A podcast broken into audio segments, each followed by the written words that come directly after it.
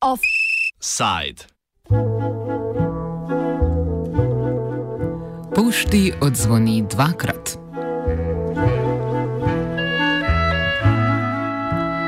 Sindikat poštnih delavcev je začel zbirati podpise za spremembo zakona o poštnih storitvah. Predlog zakona bodo lahko vložili v parlamentarno obravnavo, če bodo do 30. oktobra zbrali 5000 podpisov. Cilj predlaganih sprememb je omogočiti delovanje pošte Slovenije na trenutni ravni, brez zapiranja poslovalnic ali skrajševanja delovnega časa. Storitve pošiljanja in dostavljanja pisem in manjših paketov, ki jih je pošta dolžna zagotavljati, ji prinašajo izgubo. Dobrih 61 odstotkov poslovalnic, predvsem podeželskih, posluje z izgubo. Država, ki je lastnik pošte Slovenije, pa od podjetja zahteva dobičkonosnost oziroma da krije lastne stroške. Posledično Pošta Slovenije od leta 2012 znižuje svoje stroške s krajšanjem delovnega časa, zapiranjem manjših poslovalnic, predvsem na podeželju, razširitvijo komercialnega dela storitev in predajo opravljanja poštnih storitev drugim ustanovam, kot so banke, benzinski servisi in občine.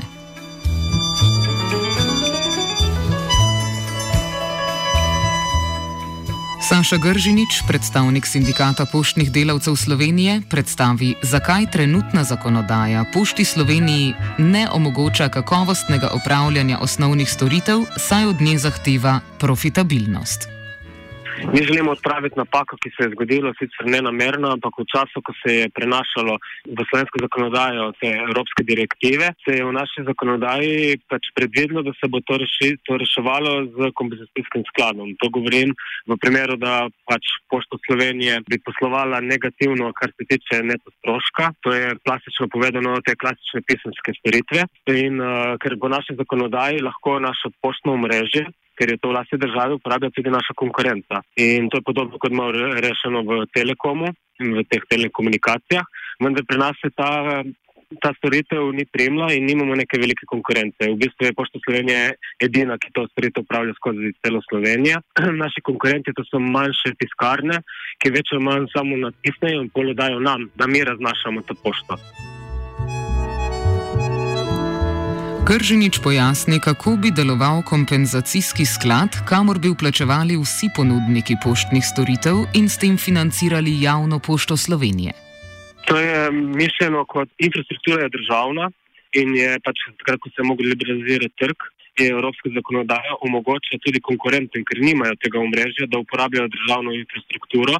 To se ne sme uporabljati samo za eno podjetje, ampak da lahko tudi drugi uporabljajo in potem ravno zaradi tega se mora tudi vlagati oziroma plačevati v ta sklad, da v primeru, ko posluje pošta Slovenije, katera upravlja s tem negativno, eh, se potem pokriva te stroške. Ampak to negativno, to je mišljeno samo uso storitve, univerzalne storitve, te klasične pisma do 2 kg, ne ostale storitve. Ker mi pa potem nadomeščamo ta klasična pisma in sami vzdržujemo to infrastrukturo še z bančnimi storitvami, z zarovalniškimi storitvami, smo tudi delali paketi in eh, prodajo na poštah in tako dalje. Ne.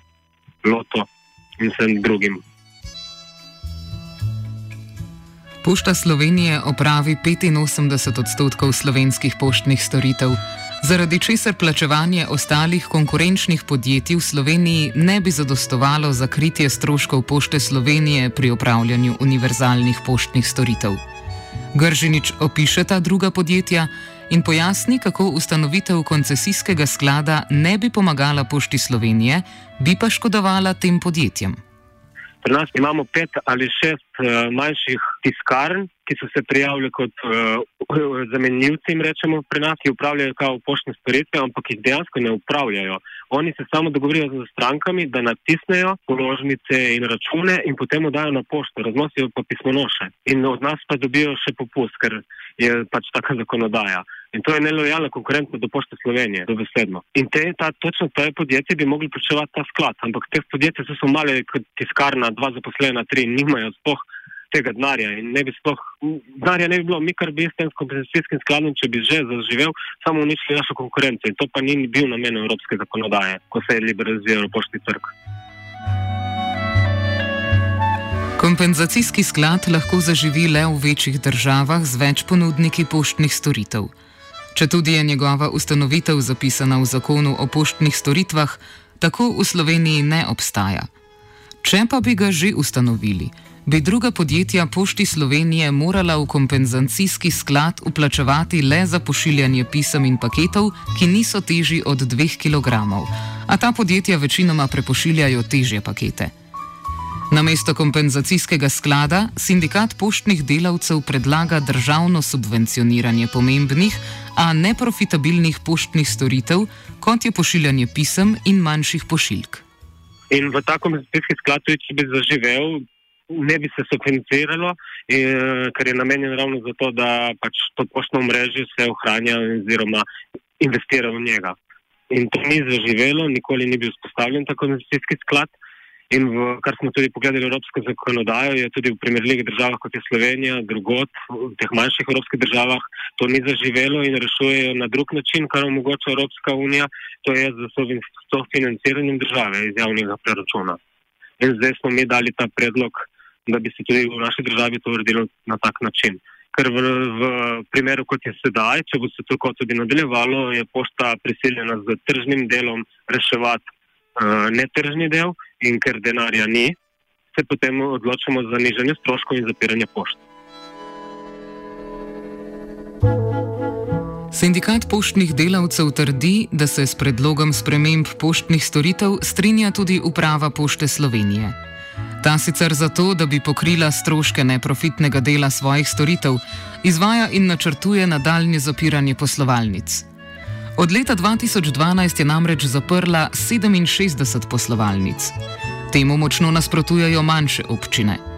Jasmina Vidmar, generalna sekretarka Skupnosti občin Slovenije, opiše negativne učinke zapiranja poštnih poslovalnic na podeželju. Nenehno opozarjamo na dejstvo, da mora država sprijeti jasne strateške okvire a, poseljenosti a, celotnega območja, kar še pos, posebnim podarkom na obmejna področja. To pa lahko zagotavlja tudi tako, da, da državljanom in državljankom na teh območjih omogoči dostopne storitve, kot to velja za Ljubljano, Maribor. In tako naprej, vendar govorimo o univerzalnih, o teh splošnih, ne govorim zdaj o teh vseh, ki jih mesta ponujajo. Uh, Ampak ti, če država ne bo tega naredila, pa se bodo ta področja, kar se že dogaja, praznila in strateškega vidika, nacionalnega strateškega vidika, zato za državo izjemno slabo. Na to opozarjamo tudi državo, ki je ukinjala nekatere um, um, iz svoje izpostave na terenu, ker je gledala samo skozi princip stroškov. To govorimo tudi pri bankah. Pri bankah se je pokazalo, tudi mednarodne študije kažejo, da v trenutku, ko se neka poslovalnica v nekem območju zapre, da se zmanjša da imajo podjetja v tistem okolju večje težave, da začnejo zapirati, da se zmanjša število delovnih mest, da se podjetja preseljujejo v druga okolja in tako naprej. To je v bistvu, um, um, primer, mislim, to je koncept domine. Ko se nekaj zapre, začnejo vse domine padati. Grženič opozarja, da bi se na rezalni deski poleg poštnih poslovalnic lahko znašli tudi pismonoše. Ja, moram povdariti še zraven, da se zna zgoditi, da se bo ta trend nadaljeval in da bo eh, država se zna odločiti tudi, da se bo trend, ki se dogaja pri pošti, zgodil tudi s pismonoši, kar bi po domače povedano, da ne, bo, ne da ne bomo imeli več samo pošte, ampak niti pošte ne bo vsak dan. Ker eh, če se bomo mogli mi obnašati tržno v tistih delih držav, ker so visoki stroški za dostavo in z omrežjem, se bo nižalo tudi pri pismonoših. Neprofitnost pošte Slovenije je že večletni problem. Med drugim izvira iz manjših potreb po poštnih storitvah, kot je pošiljanje pisem, razglednic in paketov. To se je med letoma 2009 in 2019 zmanjšalo za 48 odstotkov. Izpad dobička pri prvotni dejavnosti Pošta Slovenije nadomešča s širjenjem prodaje izdelkov na pošti, avtomatizacijo poštnih logističnih centrov, ali pa s tem, da poštne storitve na mesto pošte Slovenije opravljajo kar trafike, banke in benzinski servisi. Ponekod lahko pisma pošiljate tudi sedežev občin. Takšnih tako imenovanih pogodbenih pošt je kar 139, poslovalnic pošte Slovenije pa je 320. Jasmina Vidmar pojasni, zakaj so pogodbene pošte ponekod boljša rešitev, kakor pošte s krajšanim delovnim časom.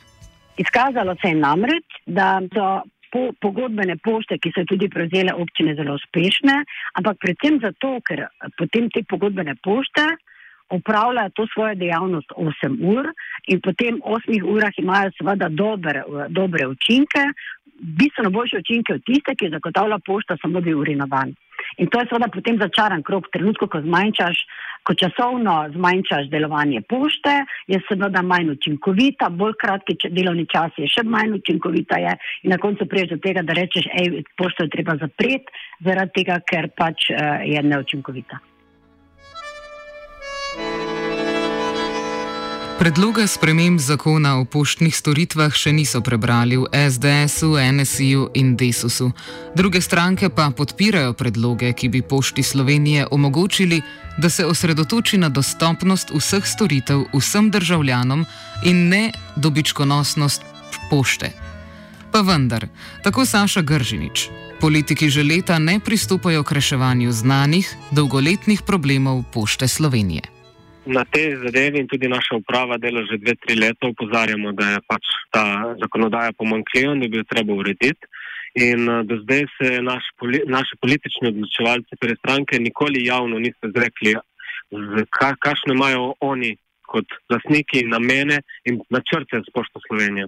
In zato zdaj smo se odločili, da damo ta pobudo za spremembo zakonodaje in da jih prvič izzovemo, da jasno in glasno povejo, ali podpirajo stanje, ki je sedaj in kakršno se kaže, da bo šlo naprej, torej da je vedno manjši servis za državljane, poštni servis, da je vedno manj pošt. Ali pa mislijo, da je to napačno in da treba nekaj urediti na tem. Zdaj, prvič v zgodovini bomo pač dobili nek odgovor, če pridemo pred njih, torej če zberemo teh 5000 podpisov. Če država ne bo spremenila zakonodaje in bo breme pokrivanja izgub ostalo zgolj na pošti Slovenije, bo ta po načrtu optimizacije svojega delovanja na mesto 528 pošt ohranila le 217 poslovalnic.